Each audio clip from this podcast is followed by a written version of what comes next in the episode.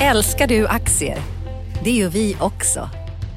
Sea Worldwide Asset Management är en av Nordens största oberoende aktiva aktieförvaltare och har samlad kunskap sedan 1986. Ta del av vår kunskap på seaworldwide.se. Bokstaven C, worldwide.se.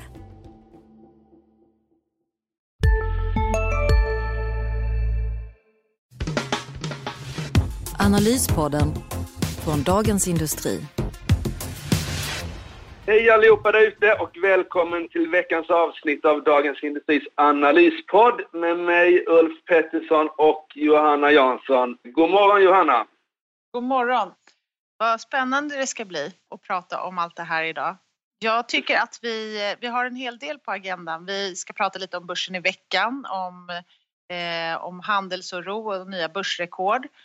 Jag vill fråga dig om hur du tycker att man som privatperson ska agera på börsen när vi har det läget vi har idag. Och sen så har vi haft en hel del makrosiffror också som vi kan grotta ner oss i. Det låter bra det. Och sen så har vi ju förhoppningsvis en vecka som kommer här efter helgen som vi kanske ska diskutera lite grann. Det är ju inte någon jätteintensiv vecka egentligen men, men något kan vi väl prata om den också. Ja men det tycker jag. Då kör vi igång helt enkelt. Om vi börjar med börsen i veckan så tycker jag att det är tydligt från ett makroperspektiv så pratar vi mycket om det här med handelsoron och också eh, en viss, man ser liksom varningstecken om en vikande konjunktur. Även om det är liksom tidigt i den fasen. Vi har haft en hel del starka börsrapporter eller bolagsrapporter och vi hade Apple här i USA som nu har slagit rekord med en triljon dollar i börsvärde i veckan. Så den här dragkampen, hur ska man se på börsen i, i ett sånt läge? Är det, är det ett starkt läge på börsen? Är det köpläge eller är det avvakta eller sälj? Vad tycker du? Ja, det där är ju den ständiga frågan och då skulle jag vilja säga så här ser väl jag lite på, på verkligheten att vi har haft en rapportperiod som jag tyckte var bra. Kurserna steg också på, för de flesta aktierna. Så rapportperioden har gjort att det talar för att man ska äga aktier här under hösten och fram till årsskiftet. Eh, jag tycker vi noterat exempelvis att bankerna har gått väldigt starkt. De gick ganska svagt på själva rapporterna men sen så direkt efter rapporterna så, så tyckte folk att det här var inte så farligt och värderingen är låg. Så då har man handlat upp banksektorn 8-9 procent här. Så jag är ganska optimistisk om börsen inför hösten här. Eh, räntorna är låga, konjunkturen är god, vinsterna stiger, de förväntas stiga med 16 procent i år, vilket är jättehögt. Så jag tror att det ser bra ut. Och sen i, om vi tar veckan, den här veckan som har varit då, så är börsen då ner. Det är ju några veckor sedan senast den ser ut att gå ner lite grann under veckan. Men det är liksom, vi pratar om eh, tiondels procentenheter så det är ju liksom inte att man behöver ta fram några valiumtabletter sådär utan det är en ganska liten nedgång. Eh, och det kan ju ändras i eftermiddag om det kommer starka siffror från USA, det vill säga att arbetslösheten har har gått ner mer än väntat så tror jag kanske vi kan få en vecka där, där börsen knappt har fallit alls. Jag tycker att rapportperioden har gjort att man är, är, ska vara mer positiv till börsen nu än innan rapporterna. Och sen så är det ju från din horisont då huruvida konjunkturen eh, gör att man kanske ska bli mer försiktig. Vad, vad är din känsla? Börjar du liksom få lite ont, mer ont i magen än, än vanligt till följd av eh, konjunktursikterna eller hur, hur ser det ut tycker du Johanna? Men vi har ju pratat om det här förut att som eh, makro och mer ränteanalytiker så är man alltid mer orolig det än, än om man sitter på börsen. Börsanalytiker brukar vara mer optimister. Det, det, det, är ett personlighetsdrag helt enkelt eller? Ja, jag, jag, tror att det är ett litet personlighetsdrag. Och sen så också att eh, räntor är köpvärden när ekonomin vänder ner och börsen är köpvärd när ekonomin är på väg upp. Så det är väl det som är, alla vill köpa, vilken marknad man än sitter på det som vi har sett i makrosiffror i veckan är ju att vi har en stark konjunktur. Så är det ju. Vi har fått inköpschefsindex både från USA, Europa och Asien och även om de har och de är på starka nivåer, de ligger över det här gränsen, 50-gränsen i nästan alla regioner. Så det är starkt. Samtidigt så ser vi då att de har vänt ner från ännu starkare nivåer och det är ett första tecken då på att konjunkturen liksom mognar, mattas alltså och det har vi ju pratat om ett tag också. Och sen så finns det ju ytterligare ett tecken som man har pratat om en hel del sista året och det är ju lutningen på avkastningskurvan. Det tyckte jag eh, Agneta Jönsson, vår eh, kollega med, med inriktning på företag, skrev ju faktiskt lite makro här i veckan. Jag vet inte om du var, var frånvarande då, Mittelman också kanske. Men det var ju det här att, att eh, långräntan, tioårsräntan i USA, är på väg att ha en lägre ränta än tvåårsräntan. Det vill säga det som eh, fackmän som du säger att yieldkurvan börjar eh, gå neråt helt enkelt. Att den är liksom eh, nedåtlutande kanske man kan säga. Eh, och det var ju intressant tycker jag, för det brukar, när den blir det så brukar det förebåda eh, dåliga tider och börsfall och sånt. Är det inte så eller? Jo men så är det och det är oftast så eh, om man tittar historiskt eh, att eh, räntemarknaden har varit snabbare än börsen på att förutspå, inte alla gånger, men ofta har varit duktiga på att förutspå just en eh, recession. Men tricket här då är att det räcker som sagt inte med att avkastningskurvan flackar, det vill säga att det blir en minskad skillnad mellan långa och korta räntor, utan det gäller att den långa räntan faktiskt vänder ner och ligger under den korta. Och det har inte hänt ännu, även om vi är nära där. Så hur att, nära är det? Har du, har du siffrorna här och nu live? Det är några enstaka räntepunkter. Eh, siffrorna live per igår är att eh, den långa USA-räntan är på 3% och ja. eh, den korta om man då tänker tvååringen, den är nästan på samma nivå. Men det är också så att det betyder ju också att vi vet ju att Federal Reserve har ju höjt räntan och i veckan så lät de den i och för sig ligga kvar men den kort, absolut kortaste räntan i USA, Fed Funds då, ligger på 1,75 till 2 procent i det intervallet. Så där är skillnaden då 1 procent mot den långa tioåringen. Ja. Men vi vet också att de vill höja ytterligare två gånger till hösten och de flesta räknar med ytterligare två gånger till våren och då är de ju uppe på nästan 3 procent. Varför, om du skulle liksom undervisa mig lite grann, varför är det här en, en negativ signal? Det vill säga att vad är det som att långräntan blir lägre än korträntan, varför betyder det att ekonomin är dålig? Kan du förklara? Nej, det betyder nog inte att ekonomin är dålig idag, utan det betyder att den är starkare idag än vad man tror att den kommer vara imorgon. Därför att det betyder att man tänker sig att okej, okay, nu höjer centralbanken korträntan just nu, men framöver så tror vi inte att det kommer finnas tillräckligt med inflation eller efterfrågan i ekonomin för att hålla uppe räntorna på längre sikt. En låg ränta betyder ju normalt för en svag ekonomi medan en hög ränta betyder ju i, sen finns det ju hundra olika anledningar till att det inte behöver vara så, men och en, en stark ekonomi betyder ju hög ränta på något sätt för att liksom ha bra ja. fart i tillväxt.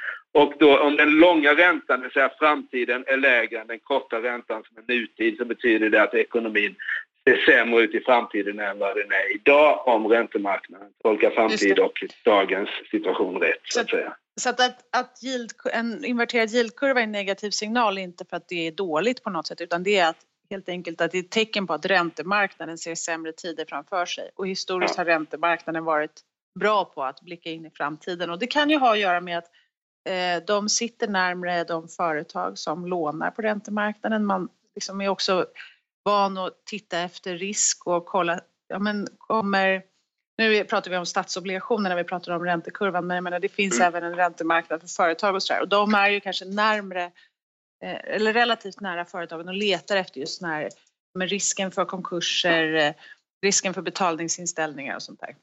Hur ser du på det här? Är det liksom en, en eh, signal man ska ta på allvar eller liksom är du inte så nervös och när skulle du bli nervös och varför och sådär?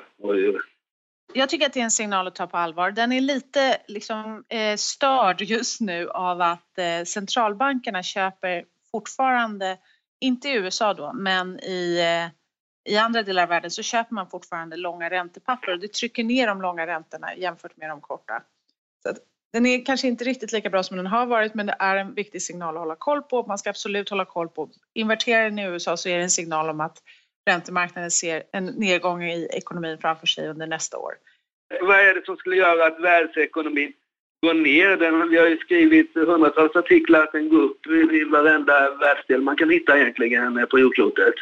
Vad är, det, vad är det som skulle göra att konjunkturen väder ner? Är det att den har gått upp så länge så att man liksom har investerat klart eller är det någonting annat? Vad, är det liksom, vad skulle liksom trigga igång en, en sämre konjunktur? Är det ett normalt förlopp eller är det någon så att säga någon extern chock som man brukar prata om ibland eller vad? Det är faktiskt en väldigt bra fråga för att det här, man kan ju tänka sig att det skulle vara ett cykliskt mönster, att det som går upp måste komma ner. Och så ja. kan det ju vara på ett sätt. Men jag tror så här, vänder den ner nu då är det för att investeringarna inte riktigt tar fart för att man inte vågar. Vi har fortfarande ett ben kvar i konjunkturen och det skulle vara väldigt starka företagsinvesteringar. Men om företagen inte riktigt vågar på grund av att eh, oron för handelskrig eller att det är stökigt i politiken eller någonting annat, ja men då finns det inte så mycket kräm kvar i konjunkturen och då vänder den ner. Och i USA så har ju högkonjunkturen pågått väldigt länge. De närmar sig ett läge när man inte har fler att anställa och sådär. Man kan fortfarande betala ut lite högre löner så att det kan bli lite mer konsumtion och sådär. Men där tänker nog sig de flesta ändå att konjunkturen vänder ner under 2019 för att helt enkelt inte finns energi kvar i konjunkturen. Och nu har de fått en extra skjuts av Trump, men den är liksom ganska tillfällig. Ingenting av det som Trump gör tror man kommer kunna driva på det här tillväxttåget längre än, än just under 2018. Och det är intressant. Alltså vi kommer ju få jobbsiffror i USA, men alltså arbetslösheten förväntas då falla till 3,9 procent, den lägsta nivån sedan 2000. Eh, och det är liksom eh, väldigt liksom decennielånga perspektiv en väldigt, väldigt låg arbetslöshet. Nu får man ju liksom ställa det i förhållande till hur många som, som liksom är, finns på arbetsmarknaden och sådär också. Men det kanske är, är grejen att, att ekonomin i USA inte liksom klarar att växa så mycket mer utan måste ha en andhämtningspaus innan liksom... Eller vad, vad tror du?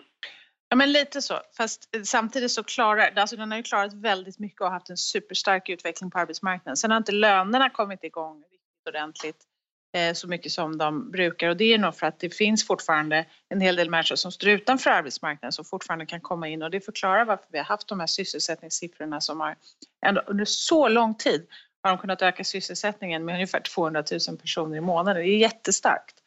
Så att eh, det har varit en jättestark och bra utveckling. Men sen ska man inte komma ihåg, Federal Reserve har höjt räntan successivt snart till tre år. Klart att det blir en broms så småningom även om det än så länge inte syns så mycket i liksom hur man mäter finansiella förhållanden och sådär. Men efter ett tag så betyder ju ändå högre räntor att man, de drar i alla fall slä, de har släppt foten från gaspedalen och de börjar faktiskt trycka ner den på bromsen så småningom. Okej, om, om vi fortsätter lite med USA innan vi pratar om Sverige där vi också haft fick väldigt starka eh, BNP-siffror, alltså tillväxtsiffror. Eh, men du, Trump är ju ständigt denna Trump då. Nu är det liksom, förra veckan så var, var det ju liksom klackarna i taket för han liksom blev bästa kompis med, nu kommer jag knappt ihåg vilket land det var, men det var, ja det var nog EU som han liksom träffade, ja. Malmström och de där och liksom tyckte att de var bra, bra människor trots att de var dåliga förra veckan och så. Och nu är det liksom Kina här som har varit liksom i fokus och nu är det liksom, nu är det handels oro igen efter att, så att säga, handelseufori förra veckan. Vad, vad, hur ska man se på det där och de senaste utspelen från president Trump? Är det något att ta på allvar eller kommer det ändra sig liksom till efter helgen här? Jag tror att det är så här att det kan mycket väl vara en del i förhandlingsspelet eh, det här fram och tillbaka från Trump. Men vem vet? Jag, jag är orolig för vad man gör med handelsrelationerna för jag tror att det är det tar ju fokus från det som man skulle kunna göra istället. Till exempel att våga satsa på företagsinvesteringar och bygga på de fabriker och de anläggningar och de produktionslinjer som kanske varit eftersatta under de senaste eller efter finanskrisen. Så det är klart att det här är negativt.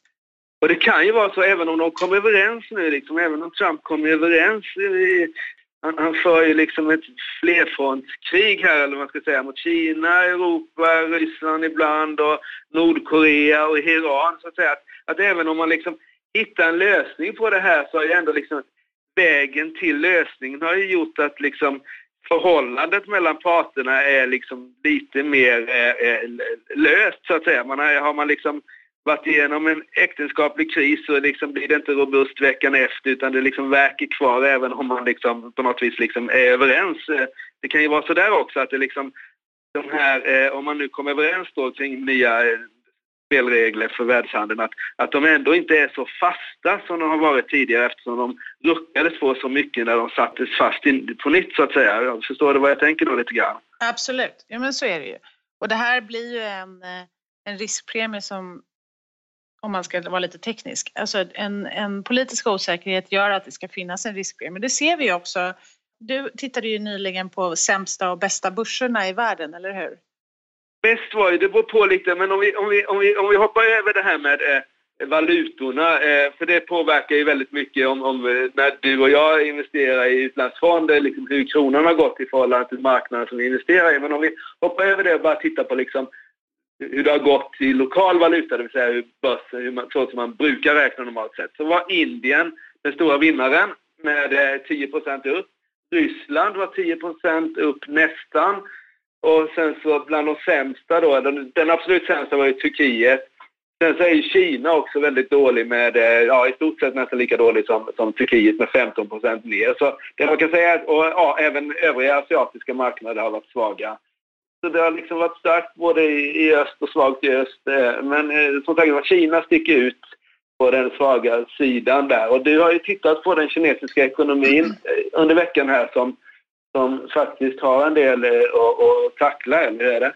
Ja, men så är det. Men jag tänker också att det här om man jämför börserna som har gått bäst och sämst så ser man också hur det här med oron för handelskrig spelar ut. Och det som är en del i att Kina har en utmaning just nu, det är ju just att man oroar sig för hur de ska hantera när man helt plötsligt, eh, när omvärlden hanterar Kina annorlunda. De har ju gynnats väldigt mycket av att få komma med i WTO, att få öppna upp sin ekonomi och förhandla med både Europa och USA.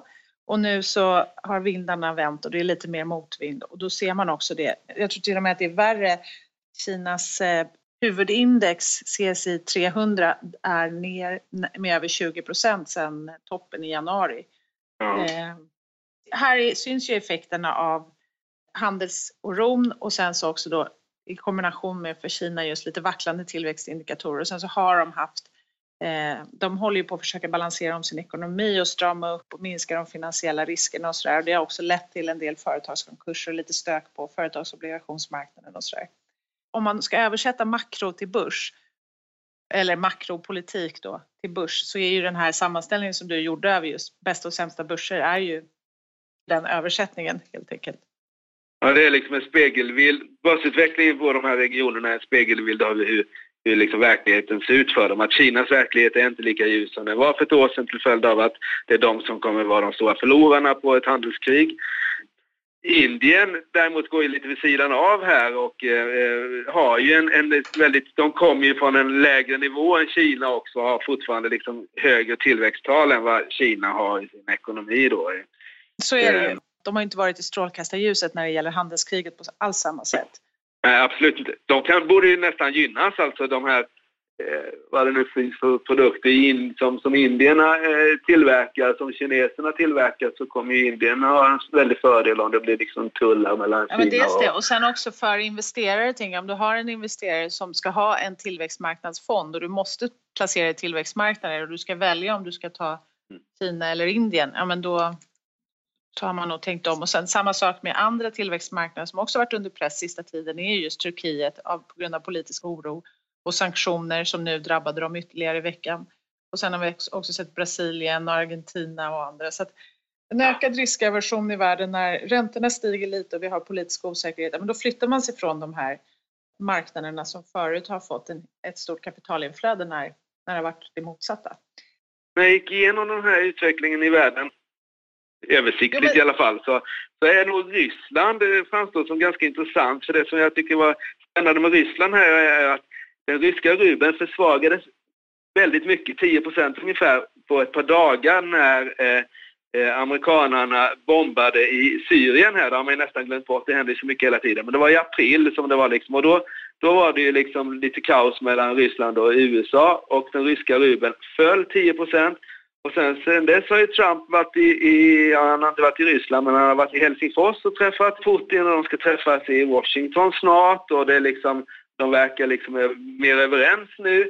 Men vi har inte fått den här åter, alltså rubeln har inte stärkts tillbaks till massnivån utan ligger kvar på aprilnivån och rimligen borde Ruben om relationerna fortsätter att tinas upp mellan Ryssland och USA här, vilket jag nog kan tänka mig att de gör, för Trump vill nog gärna vara kompis med Ryssland också egentligen, så borde den ryska Ruben stärkas och för en svensk placerare som köper ryska aktier då så behöver inte aktierna stiga utan det räcker med att Ruben stärks för att man ska tjäna pengar på det där. Eh, så det där tyckte jag var en intressant, ska säga, kortfristig sak om man nu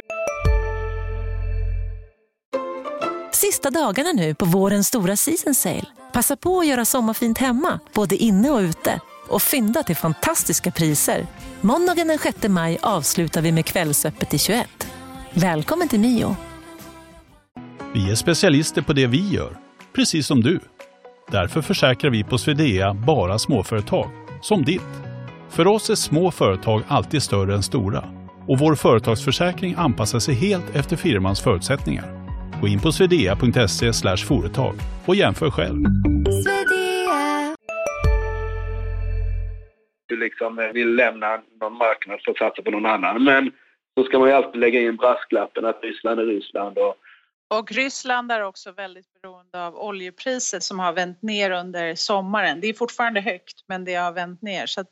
Frågan är om det går under 70 dollar eller vad man ska säga, någon slags eh, nivå där. Tror du det? Eller hur? Nu har jag inte uppdaterat någon oljeprisprognos men däremot så var jag, kände jag mig hyfsat säker på i våras att det skulle vända ner från de höga nivåer som rådde då. Och en anledning var just att det finns ett tydligt säsongsmönster i oljan där eh, oljepriset ofta stiger under våren och sen faller under hösten. Och sen så har vi också det här spelet mellan OPEC å ena sidan plus Ryssland och sen eh, USAs skifferproducenter å andra sidan som faktiskt kan producera mer olja när priset är så högt som det är. Så att jag är, tror mer på ett något lägre pris än ett, än ett högre pris. Men, men eh, det jag menade var bara att den här rubelförstärkningen som uteblivit kan ju ha med oljan att göra men jag motsäger inte att det verkar som att så länge Ryssland och USA är kompisar så borde det gynna, gynna Ryssland. Rubelkursen är väldigt intressant i sig. Om man drar ut trendlinjen lite här så var den ju den försvagades ju alldeles enormt här för några år sedan och sen har vi haft två år av förstärkning som bröts då här i, i april lite grann när den steg. Men jag skulle säga att den långsiktiga trenden fortsatt är liksom mot en starkare rubel. Men vi får väl se, jag håller med dig att oljepriset är en viktig faktor där och det får vi väl se. Något som jag tänker på är ju att de här skifferproducenterna eller oljeskifferproducenterna i USA som har bidragit till att sänka oljepriset en gång i tiden. Eh, Eh, med en stigande ränta så bör ju investeringskostnaderna i det där liksom bli ganska mycket dyrare så att man höjer den här break-even nivån för, för skifferoljan och in, att de inte blir en samma hårda konkurrent mot eh, övrig olja i världen. Det stämmer absolut. Eh, det är fortfarande så att det talar för ett pris som ligger någonstans här mellan, det är ett stort spann såklart att säga mellan 40 och 70 dollar. Det är ett jättestort spann. Men att vi är någonstans där snarare än över 100 vilket vi var bara för några år sedan. Men jag tänker på en annan sak, det här som vi pratar om nu. Lite eh, starka bolagsrapporter, lite begynnande tillväxt och ro, osäkerhet kring politiken. Hur ska man tänka som privatperson? Vi talade ju om inledningsvis att det var någonting vi skulle gå igenom här. Ja. Något som privatpersonerna har tänkt på eh, eh, redan eh, och som jag tycker är väldigt bra, det är ju att de här under året har köpt väldigt mycket aktier i investmentbolag. Det är det som liksom har lockat flest placerare. Jag såg gamla eh, Latour med gamle Gustav Douglas har fått 10 000 fler aktieägare i år. Och det där är superintressant tycker jag, för det som man brukar titta på sån här statistik, vilka bolag är det som får många nya aktieägare? Vilka är det, det vill säga, som lockar till köp? Så brukar det vara liksom sådana här eh, hypade tillväxtbolag eller forskningsbolag eller sådär IT-bolag men här är det liksom investmentbolag och investmentbolag som dessutom inte har gått särskilt bra i år utan har gått sämre än börsen och ändå lockade till köp. Och det där tycker jag liksom är ett väldigt gott tecken på den allmänna kunskapsnivån bland landets eh, småsparare. Att man inte hoppar på det tåg som går snabbast nu utan man letar efter tåg som kanske, är, som kanske har saktat in men har potential att ta fart igen så att säga. Och då tycker jag att investmentbolagen med de ökade substansrabatter som finns där är ett jättebra case och det är ett sunt ekonomiskt case eftersom ett investmentbolags eh, aktie är ju betydligt mindre riskfylld än en vanlig aktie eftersom investmentbolaget består av många aktier i sin portfölj. Så det tycker jag har varit väldigt klokt resonerat och jag tycker man kan fortsätta köpa sina investmentbolag. Eh, och vilka ska man köpa då tycker du? Vilken, vilket är det bäst, mest köpvärda av de här vi hade, ja, om... Jag tycker, om jag ska peka ut så är det väl två... Ja, Investor är mest köpvärd för de har högst rabatt. och är så pass stora så att förvaltningskostnaderna, även om de fortfarande är ett par hundra anställda eller något sånt där, så är förvaltningskostnaderna låga. Så Investor skulle absolut köpa idag, Wallenbergs Investor. Eh, eh, jag skulle kunna tänka mig kanske att köpa även Bure som har fått en hög, hög substansrabatt och dessutom har en rejäl kassa. Men eh, Latour som de flesta har köpt är eh, också intressant. Nu är inte substansrabatten superstor i Latour men den är i alla fall det är en rabatt. Tidigare var det liksom en premie på det där, men eh, det är också, med att skulle säga, ska man köpa en så ska man väl köpa Investor tycker jag. Eh, och det är bra gjort. Det tycker jag liksom att eh, svenska aktiesparare har hanterat det här helt rätt och inte hoppat på liksom eh, fullt ut de här tågen som brukar gå liksom. Nu har det varit forskningsbolag som har varit stora vinnare i år eh, efter Wilson, eh, Will, budet på Wilson här. Eh, men jag, jag, vet inte, det kanske det är jätteintressant att, att där, jag tänker att det kan ju vara så att eh, många småsparare följer med den här eh, sociala, alla sociala medier så har så att säga kunnigt folk som twittrar och eh, lägger ut grejer på, på Facebook och sånt där. Att många följer dem och agerar som de gör och de bästa är oftast de som har köpt liksom investmentbolag och mer trygga bolag och inte så mycket forskningsbolag och de lockar till sig nya läsare som, som följer efter vad, vad de här eh, mest eh, uppmärksammade bloggarna eh, agerar. Och det är en intressant eh, trend, tycker jag allmänt sådär, ur ett samhällsperspektiv. Mer information åt folket helt enkelt? Ja, och att de tar sig åt informationen och inte bara hoppar på liksom något, något som ser superspännande ut men där risken är skyhög utan man tänker lite långsiktigt och, och liksom just att våga köpa en aktie som har gått ner som Latour har gjort. Det liksom brukar ju aldrig vara så utan folk brukar ju sälja det som går ner och hoppa på det som går upp. Men här var det lite tvärtom och det tycker jag är jättespännande. Som sagt, som jag sa till dig så eh, eh mycket kan ju hända men eh, rapportperioden har ju stärkt min inställning till att börsen är en bra plats att vara på. Sen får vi väl se vad som händer med konjunkturen. Eh, börsen brukar, säger man ju, vara 6 till 12 månader före konjunkturen. Och det är klart att om konjunkturen börjar falla om 6 eller 12 månader så så är då börsen på sin topp nu men jag tycker nog att det känns som att hösten kan bli ganska bra. Eh, ceteris paribus som vi fick lära oss att det heter. En sista fråga innan vi går över eh, och pratar lite mer om nästa vecka. Eh, de rapporter som vi ändå har haft den här veckan, vi har ju haft ett par, eh, kan inte du berätta lite mer om dem? För att, med risk för att jag låter tjatig om det här med osäkerhet kring konjunkturen. Vi hade ju Volvo och Scania som pratade lite om sämre orderingång. Är det, var det bara en, en tillfällighet eller är det någonting som man ska hänga upp sig på? Nej, alltså orderingången är ner på lastbilar i Europa eh, för både Volvo och Scania, men mer för Scania. Men däremot så går lastbilsmarknaden bättre i USA, är det så? Ja, ja. Volvos orderingång i USA är upp 63 procent i år, så det är helt fantastiskt. Men det, det är ju inte liksom, det kan ju finnas olika eh, miljöregler och sånt där som gör att eh, både bilförsäljningen och lastbilsförsäljning kan så att säga varierar väldigt beroende på om det kommer ny lagstiftning och sånt där och där finns väl en del sånt.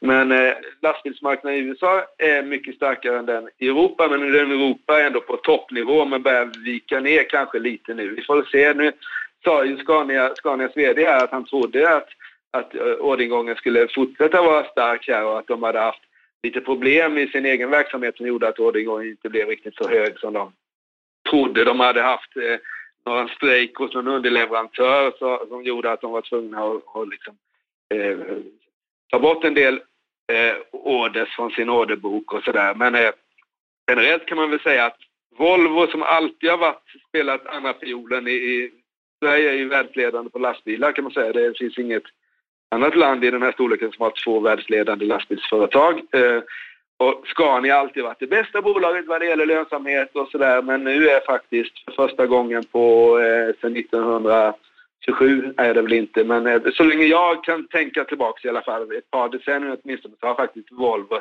högre lönsamhet än Scania och det är en jätteintressant eh, händelse eftersom massvis av gamla Scania-direktörer har flyttat till västkusten och blivit eh, höga chefer på Volvo senaste åren. Eh, Martin Lundstedt som är VD på Volvo har ju en lång bakgrund i Scania och sådär. Och det är intressant eh, att Volvo nu presterar bättre än Scania som faktiskt kom med en... Eh, vinsten ökade förvisso men det var ju en riktigt svag rapport tycker jag. Nu är det ingen som sätter prognoser på Scania så därför är det inte noterat längre utan det ingår i Volkswagen. Men, men, men likväl så Volvo går jättebra, Scania går dåligt och eh, lastbilskonjunkturen är fortsatt stark även om den är nog på toppnivå nu men, men den kommer nog ligga kanske, tror man, på toppnivå ett litet tag till.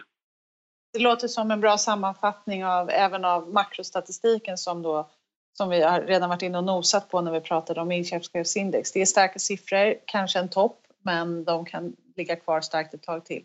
Och bara för att förtydliga det här med att det har gått bra i USA första halvåret och lite mer osäkert i Europa så fick vi jättestarka tillväxtsiffror för USA, BNP i USA andra kvartalet redan förra veckan men sen den här veckan som vi precis har, första veckan i augusti då, Eh, så fick vi tillväxtsiffror för Sverige och euroområdet. De var svagare än väntat för euroområdet men också väldigt starka för Sverige.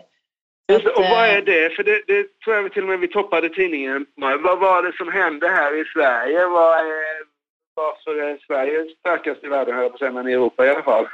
Var det väl ja, nästan. men eh, faktiskt till och med lite starkare på, med några tiondelar starkare än i USA.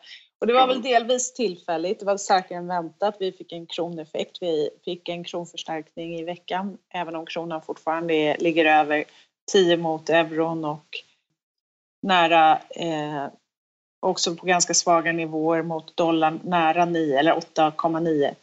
Eh, jo, men så, nej men det var delvis tillfälligt. Vi hade, eh, dels så var det lageruppbyggnad och det är inte liksom något positivt egentligen utan det är väl en, alltså, I företagsvärlden så är det ju en supersvag signal. Tittar man på H&M så är liksom deras stora problem med lager som inte blir sålt. Är inte det liksom... Det måste ju vara en jättesvaghet att man producerar men efterfrågan saknas eller ta i där? Eller? Ja men alltså precis, det kan vara... Det, är, det som är lite klurigt med just den här andra kvartalssiffran är mm. att mm. den är en eh, mer preliminär än vanligt. Därför man gör den för att hinna klart, för att ha en siffra, en BNP-siffra som regeringen ska kunna bygga sin höstbudget på. Och det gör att den revideras ofta. Man har inte alltid underlag som man brukar ha inför en sån här kvartalssiffra. Så eh, med det sagt så ska man ta det, och det, det, är lite tekniskt hur man räknar på vissa av de här sakerna. Men det var också så att det var en stark konsumtion Delvis kanske det också var tillfälligt. Man ändrade lagstiftning när det gäller inköp av bilar eh, alltså från första juli som skulle göra, det här bonus malus som det heter. Ja, precis. Att man ska göra det mer förmånligt och vara miljövänlig. Det drog upp, förmodligen upp nybilsregistreringarna väldigt kraftigt under andra kvartalet. Så ja, förmodligen är väl eh, underord för de halverades i juli vad jag förstod. Ja, precis det var, gav en extra skjuts till BNP andra kvartalet. Men sen är det ju så att det är en stark svensk ekonomi, absolut. Och det här orosmomentet som vi liksom trycker framför oss, det är ju hur sättningen på bostadsmarknaden ska påverka. Det tar lite tid, för att om, om man sätter spaden i marken och börjar bygga hyresrätter i slutet av 2017, såvida man inte avbryter byggena, och det har man ju inte gjort än, ja, men då kommer de hålla på ett tag och det kommer fortsätta driva upp tillväxten. Och eh, statistikleverantören SCB, de räknar med att det tar ungefär fem kvartal från en vändning i eh, antalet bygglov tills att det faktiskt syns i nationalräkenskaperna. Så återigen då så handlar det här om slutet av 2018 eller 2019 som svensk tillväxt vänder ner. Men det, men, men det här låter ju liksom lite oroväckande för nu har då SCB eh, snabbtagit fram BNP-statistik som är super stark och alldeles för stark i förhållande till verkligheten som vi säger här med bilar och, och byggande och, och annat. Eh, eh, konsumtionen som har varit stark men nu när det är liksom 30 eh, grader varmt så är det ingen som konsumerar. Så de här tre faktorerna kommer ju liksom tala för en svagare konjunktur i framtiden. Men så sitter regeringen och liksom lägger en budget efter en väldigt stark ekonomi. Det känns ju som att de har liksom intecknat en löne, löneökning redan nu och att det liksom kommer bli snett där eller det, tar man i då? Ja, men jag tror, alltså, de kommer ju inte bara använda den här andra kvartalet, så är det ju, utan mm. de kommer ju blicka framåt. Och sen har vi ett val dessutom däremellan, ska man ju komma ihåg. Så vi vet inte vilken regering det blir. Men det är alltid så här, alltså, den tas alltid fram lite snabbare, och den, men man vet också ungefär hur den revideras. Men visst var det så, det var en stark tillväxt andra kvartalet i Sverige. Så var det. Och sen eh, kan det vara delvis tillfälliga faktorer, men, men det är det Men inte bara tillfällighet utan det finns en, en solid botten också. Absolut. Jag tycker vi ska titta lite, blicka framåt lite nästa vecka. Vad händer på, eh, vad händer på bolags... Finns det några rapporteftersläntrare som, som vi väntar på fortfarande? Det finns, eh, men de är få. Ja, de, de, är väl, det finns ett antal, men liksom av, av storlek så är det egentligen bara Eh, det här kosmetikabolaget eh, Oriflame med stor verksamhet i, i Ryssland och Asien och även Sydamerika som kommer med siffror. Det har ju varit en väldigt svängig kurs men sista tiden har den faktiskt vänt upp här efter men den är fortfarande ner i år. Så det där är väl en, en grej och där har det ju lite med Ja, Ryssland brukar vara fokus på där, hur det går i Ryssland, för det är väl ett av de bolag som är mest, ska vi säga, öst, eh, ja, Ryssland och, och gamla forna östryska eh, stater som, eh, som, som är fokus där. Eh, men annars är det liksom inte rapporterna som sådant som kommer liksom avgöra börsutvecklingen här utan det är nog politik, makro och riskpremier. Men, men det är det väl. Men Oriflame kommer eh, och eh, jag vet inte om man ska äga aktier i den innan rapporten, det kanske man ska avstå ifrån. Men eh, ja, det är väl det som händer. Och på din front, vad är det som händer där? Är det, det är lite... Det blir lite inflationsvecka och eh, det som man kommer att hålla ögonen på i Sverige eh, bland annat då vi får både svensk och amerikansk inflation. Vi har fått preliminär för euroområdet redan för juli och då kommer nog många svenska analytiker titta på hur när sommarens värmebölja slår mot inflationen. Och får vi med de siffrorna nu? För det här är, eller är det liksom, kom värmen efter, eh, efter de här eh, pensionärerna samlade in sina inflationsdata av DCB eller vilka det är nu som kollar priser? Ja, nej, de kom, värmen pågick Eh, det som man kan tänka sig med hur värmen slår mot inflationen det är dels att det, kan trycka, det tryck, kommer trycka upp elpriserna. Vi har låga vattennivåer i reserverna, det trycker upp elpriserna och det kan också komma att påverka livsmedelspriserna. Det har vi inte sett ännu, eh, varken i resten av Europa eller i Sverige. Men, men det kan mycket väl komma mot slutet av året i sånt fall. Mot det står det som du var inne på här alldeles nyss, att den här värmen gör ju säkert att detaljhandeln måste locka in, göra någonting för att locka in kunderna i affärerna och det är inte omöjligt att det kommer bli lite större sommarreor då än vanligt.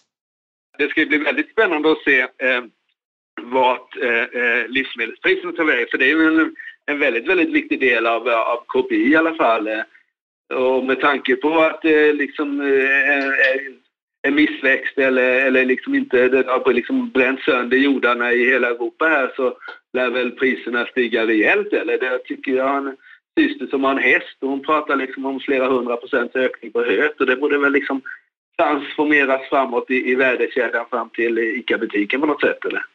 Jo men till slut så, så gör det ju det men det, det, det, går inte direkt utan det lär komma då i sånt fall snarare mot slutet av 2018. Men det kommer nog bli mycket fokus på det under hösten och i Sverige så har vi ju Riksbanken som då har eh, flaggat för en första höjning redan under, under andra halvåret här 2018. Eh, om inflationen då ligger kvar eh, på eller över 2 ja, men då är det mer troligt att de höjer tidigare snarare än att de väntar till 2019. Så det får vi se. Hålla ögonen på. Så, så, så det, bästa, det bästa placeringstipset vi kan ge idag är att hamstra mat och lägga i, i, i skafferiet? Eh, ja, men i den här värmen så är det nog kanske ingen bra strategi ändå, eller jag vet inte. Det är, rötmånad. Ja, precis. Rötmånad. Men inte på börsen än så länge i alla fall, eller hur? Nej, utan den är nu, eh, den är ner lite grann den här veckan, men vi talar om eh, eh fraktion av procent och annat har sommaren varit god och rapporterna indikerar att hösten kan bli angenäm om inte Trump eh, förklarar ytterligare handelskrig mot Kina så tycker jag man kan summera börsen och du ska summera makron. Hur... Ja, jag skriver under på samma. Så länge inget oförutsett händer så, så är det starkt men, eh, men nära en topp. Bra, men då tycker jag vi tackar för ordet eh, för den här veckan med mig Ulf Pettersson och Johanna Jansson och de som vill lyssna på ännu fler poddar, vilket jag tycker de ska göra, har Dagens Industri mängder av poddar. Vi har Förnuft och känsla och Digitalpodden och Makropodden. Jag vet inte vilka som har tagit semester just den här veckan men det kan ni säkert hitta på där man brukar hitta poddar. Då återstår det bara Johanna att tacka för oss och önska folket en trevlig helg. Analyspodden från Dagens Industri. Podden redigerades av Umami Produktion Ansvarig utgivare Lotta Edling.